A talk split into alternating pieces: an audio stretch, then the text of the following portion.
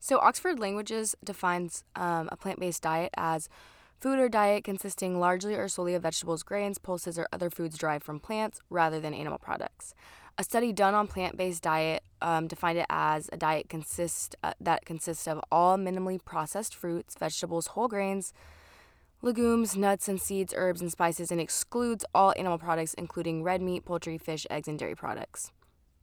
And then we look at Merriam Webster Dictionary that said, in spite of the fact that we're still figuring out what exactly plant based means, the word is moving steadily in the direction of being entered in our dictionary. After all, we have repeatedly demonstrated that we're able to use and understand words which have a number of closely related yet distinct meanings. So, with that being said, what exactly is plant based? You may be wondering, I may be wondering, the world may be wondering. So, let's go ahead and break this thing down and get into it.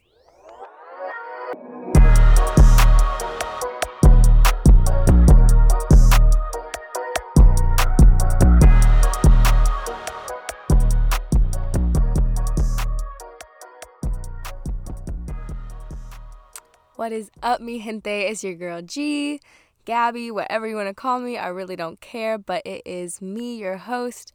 Welcome to another episode of Here for the Health.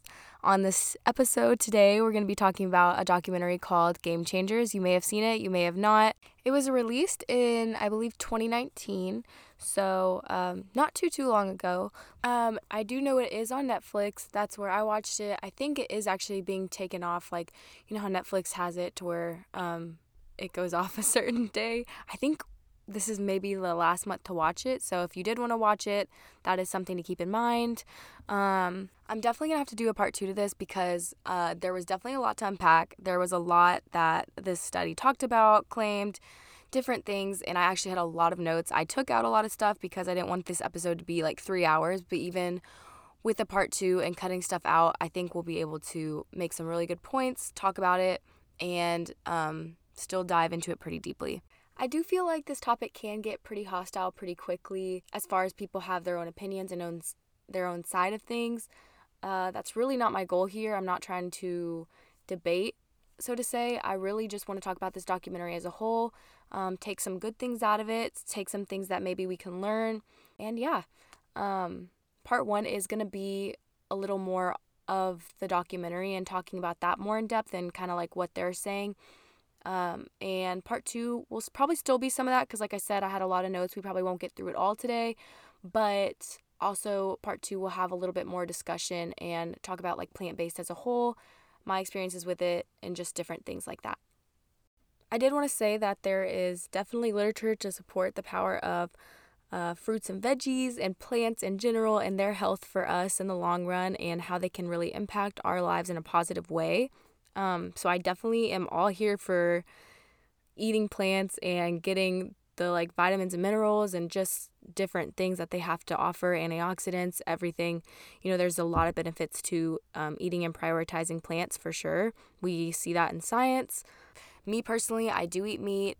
I'm not here to uh, persuade you on one side over the other. I'm really just here to talk about what the documentary says what science says about that um, and just kind of give you a little bit of both sides and so you can better inform yourself and you know um, really i don't know see what you think fits your lifestyle better. So yeah. Personally when it comes to um, my nutrition and the way i eat i try to really just prioritize different things that are good rather than focusing on excluding certain food groups or um, just being overly restrictive that's just me. I have my own past with certain things. If I get super restrictive, I kind of get a little like, I don't know, overly obsessive about it.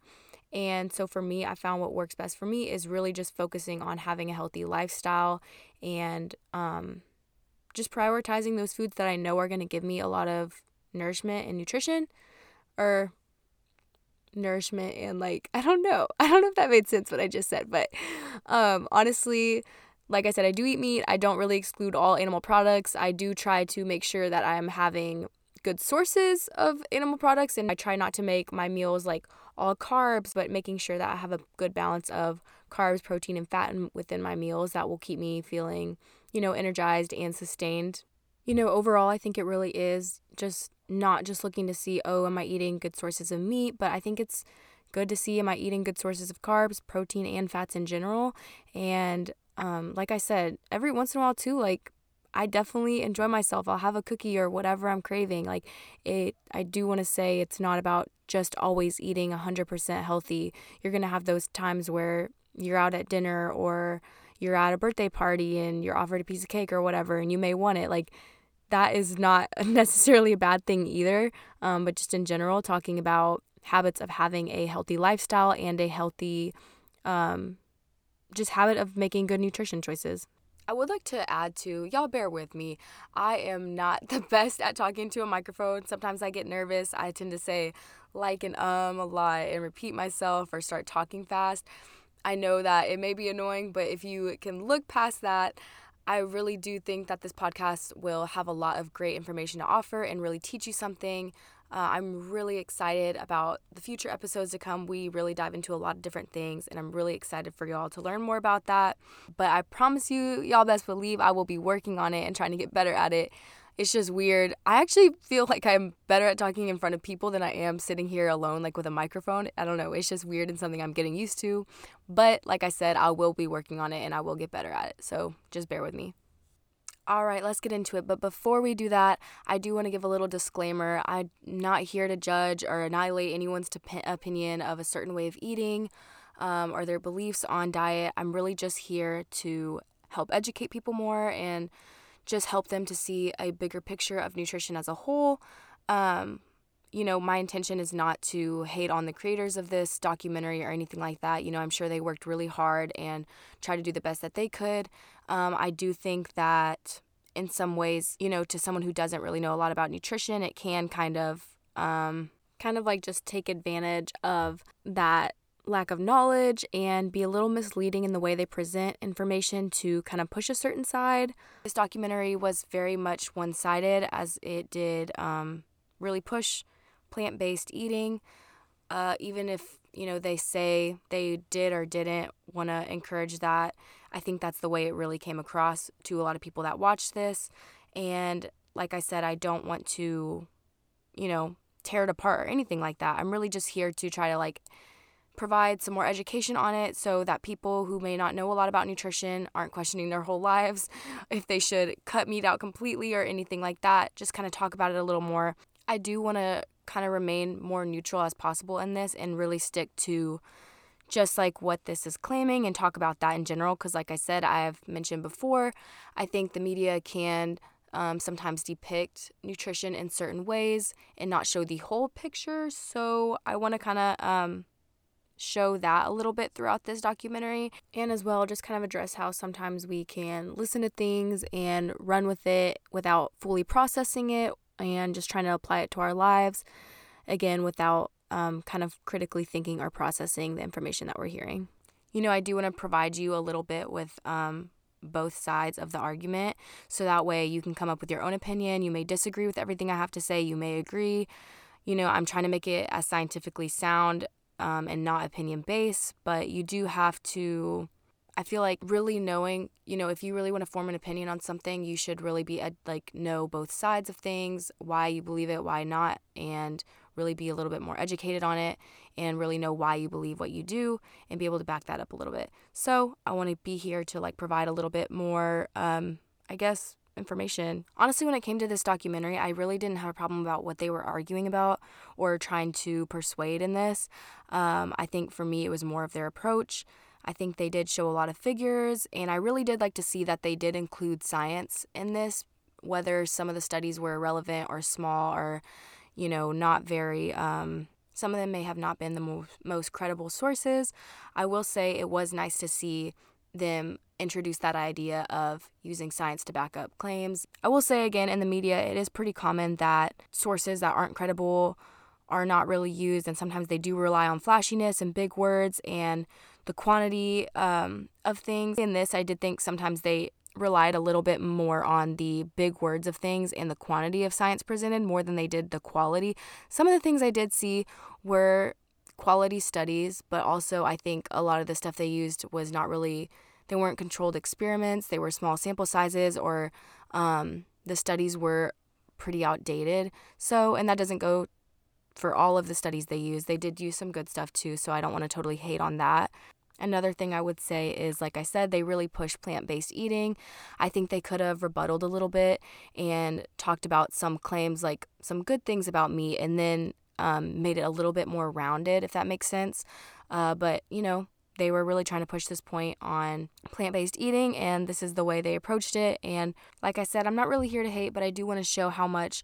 Um, you know, something we see can influence, you know, one perspective and be overly persuasive with it and how sometimes that can be, again, really believable. So, in the beginning of this documentary, it opens up, you see a lot of fit people, a lot of working out, a lot of great bodies, a lot of great body types. I definitely think that appeals to the audience watching as far as um, starting it off with associating plant based eating with these super athletic, super good looking body types.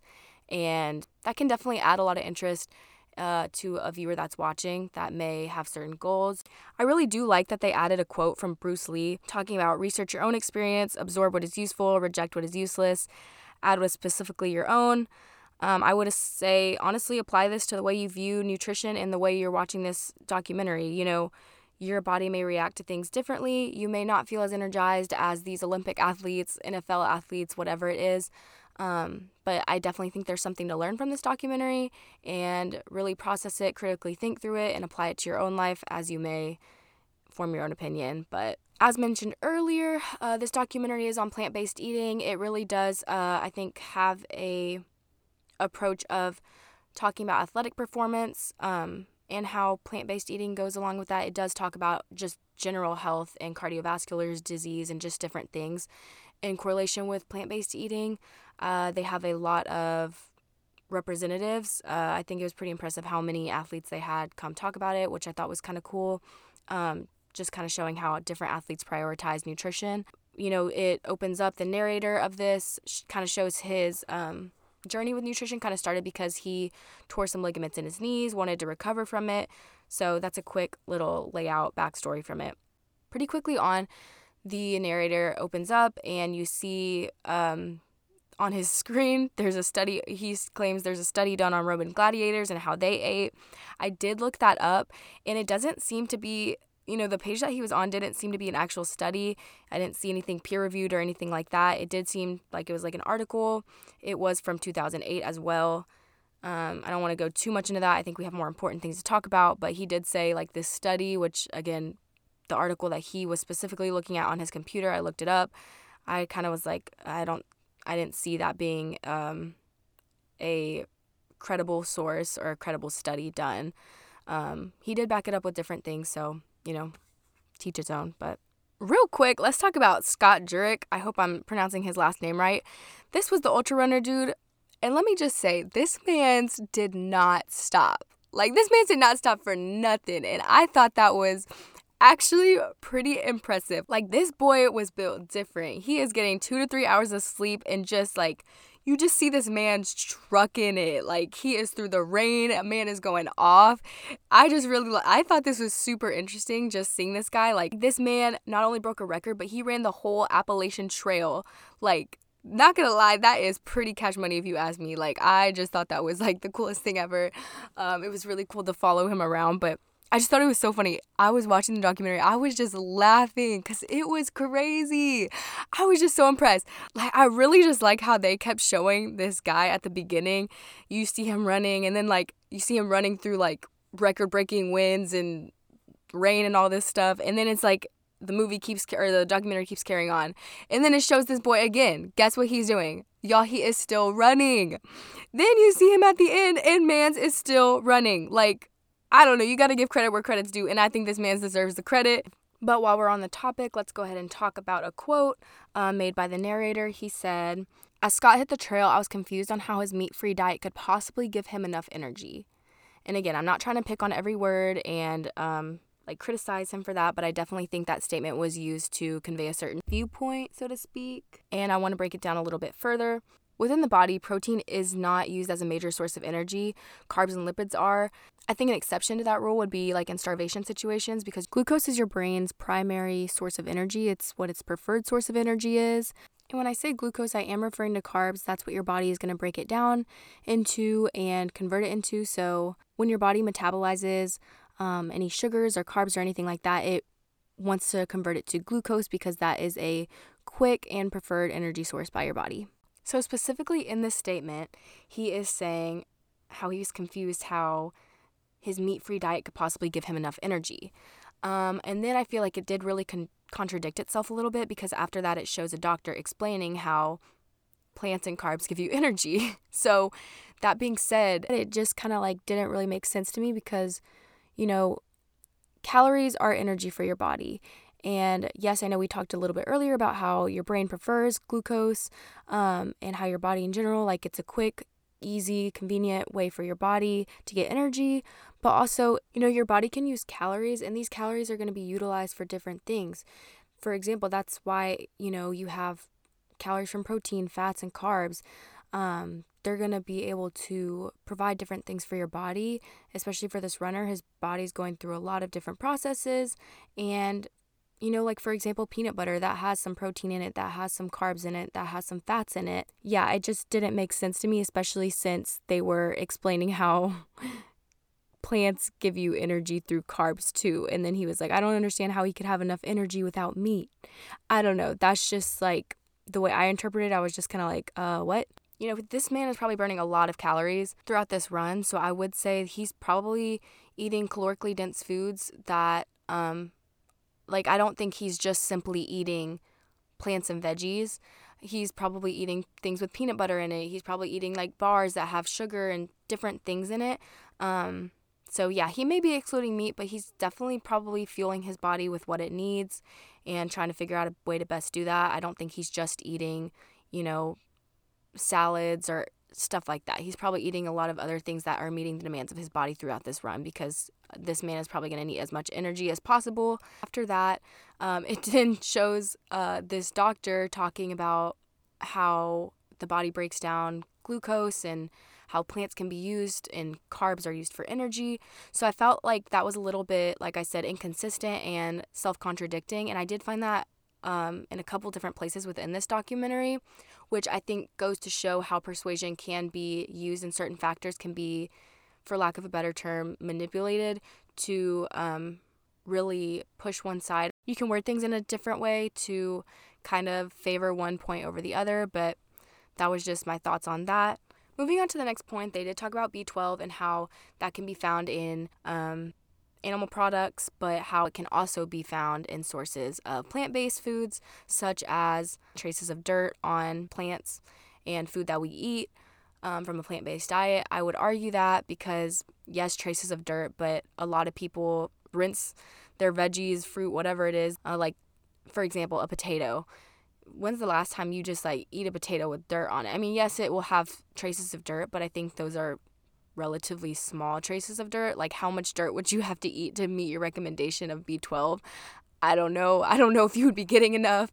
Um, and also, like I said, like if I'm gonna boil some potatoes or something, like I'm gonna make sure they're like, like rinsed off. I don't want dirt in my boiling potato water or anything like that. I don't know. That's just me. Maybe you like the the taste of soil.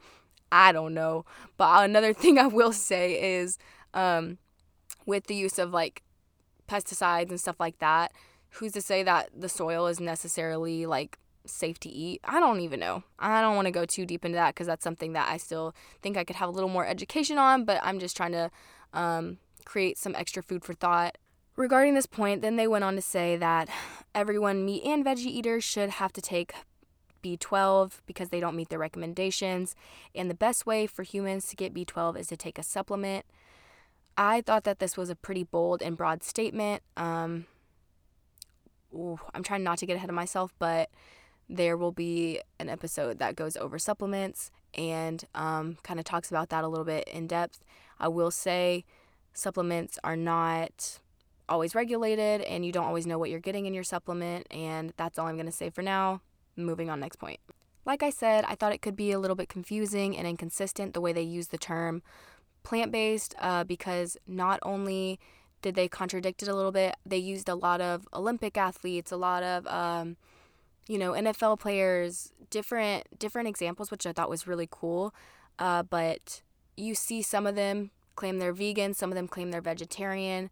What does that really look like? There is a difference between the two. Yes, I think both would be you know, quote unquote plant based, you know, you're eating, uh, it encourages a lot more fruits and vegetables um, than meat. But that being said, there was a statement made um, within the documentary that said ingestion of any animal protein. This is talking about eggs and milk. And like I said, yet some of the athletes they utilized to make their point said they were vegetarians, which means that they're probably eating eggs or drinking milk. Um, some of the Olympic athletes he referenced were vegan, some of them were vegetarian, and there is a difference. And that is where, like, I think a lot of some of the gray line with plant based is. And it, it really is like, again, what is this specifically meaning when you say plant based? Is it only only having like i said in the beginning that one definition's like the least minimally quote unquote processed fruits and veggies you can get does it allow processed things like um, plant-based substitutes is it only fruits and vegetables is it you know just not meat in general you can have eggs and milk what is this and i think that shows too how there's a lot of inconsistency just within the nutrition world on how we use terms for things and kind of like what does that really mean for a long time i used to use the term uh, i'm eating clean and honestly, half the time when I used that term, I didn't even know what I meant by that. Like, I had my own definition of what I thought eating clean was, whether it was only eating organic this day or, you know, only eating this and this and this. I had my own kind of like preconceived definition of that. But in reality, like, when you hear someone say, I'm eating clean, like, what does that actually mean? And I don't even know. It could be different on a person person basis on what they actually mean from that. Some of them could mean, oh, I'm just not eating fast food. Some of them mean, like, I'm only eating fruits and vegetables. I'm only eating this. So I don't know. I think there is um, a lack of consistency within like the vocabulary of nutrition as a whole. And I also say that because whenever I would try all these different diets and stuff, I was like, there was times when I would be on a diet and I would just be desperate. Like, like I don't know you really don't think a, the definition of a diet matters until you're actually doing a diet. Like, for example, let's say when I like did plant based. Well, also when I went plant based, I was like trying to eat like super healthy, like actually only eat plants, um, like only eat fruits and vegetables and not like I don't know. That was like my main um, goal. But if I wanted a muffin or something, um, or like a cookie, I would be trying to like justify to myself that it was okay with like the definition. I'd be like, well, this is a vegan muffin, so it's good for me. Or even like I said, if there was like a cookie in front of me, I'd be like, well, you know, there was milk and eggs used to make this, but it was baked off. Like, you know, you find yourself trying to like find a loophole around these like definitions if it's not really clear. I don't know, that's just me being real, but maybe y'all don't do that. maybe it's just me. Uh, but next point. Another quote that was made was White flour and sugar can lead to weight gain, but unprocessed carbs like oats, bananas, and sweet potatoes are, are associated with decreased body fat. Um, I did want to break this down a little further. Yes, can be associated with decreased body fat, but a surplus of calories in general can cause um, body fat. Think of it this way: your body is your body's main goal is to survive, and it does a really good job at it and your body likes to prepare as if it were it doesn't know where its next meal is coming from. So if tomorrow a famine would strike, we wouldn't have any food. How's your body going to be prepared for that? So whenever you feed it excess calories, your body's thinking, "Oh man, you know, I want to save this for a rainy day. Like what if happens if a famine happens? What happens if I don't have any food tomorrow? Let me save this." I remember a way that one of it was explained to me by one of my professors was if someone came up to you and gave you a bunch of money, like just free money for no reason, are you just going to go to the trash and throw it away? No, you're going to save that money and in case, you know, whatever there's a recession or whatever it is, you have that extra money for a just in case. You know what I mean? So you're not just going to throw free money away. Your body's like, I'm not going to throw this free energy away. I'm going to store it in case I need it one day. Um, or, you know, again, whatever, even if you're exercising or whatever it is, you may need those extra calories. Also, with foods like uh, whole foods like bananas and sweet potatoes, you know, your body's going to be burning more calories um, just digesting and absorbing these kinds of foods. And this is due to the thermic effect of food. Um, explaining this essentially to make it simple, when you eat food, your body's going to be burning calories just, um, you know, digesting, metabolizing, absorbing those things. And some certain foods may require more energy to digest. Um, like for example, if you eat a potato versus potato chips, you're going to be burning more calorie. Your body's naturally going to be burning more calories digesting the potato because you like have a lot more fiber in there and there's just different components that is going to take more energy for your body to break down versus if you had a potato chip that's already kind of processed. That's kind of a quick explanation of thermic effect of food, but essentially um, it's how much energy it takes for your body to metabolize and absorb food. But also, with this being said, like I said, I didn't think um, that it was very sound. You know, these quote, unprocessed carbs um, are still things that you can gain weight off of. I do understand what he's saying as far as like, oh, they're associated with decreased uh, weight gain, but also uh, with weight gain, or more specifically, like gaining fat because the reason I say that is because weight gain doesn't always mean um, you're retaining more body fat or anything like that. You can have weight gain from gaining muscle, and you can have weight loss from losing muscle and still um, not be losing fat that you want to lose. So, but, anyways, back to the point. Um, with calories, anytime you have an excess amount of calories, you're eating more than you're burning, you can store fat. And you know, you still can gain weight off of healthy food. I definitely, or gain fat off of eating healthy food.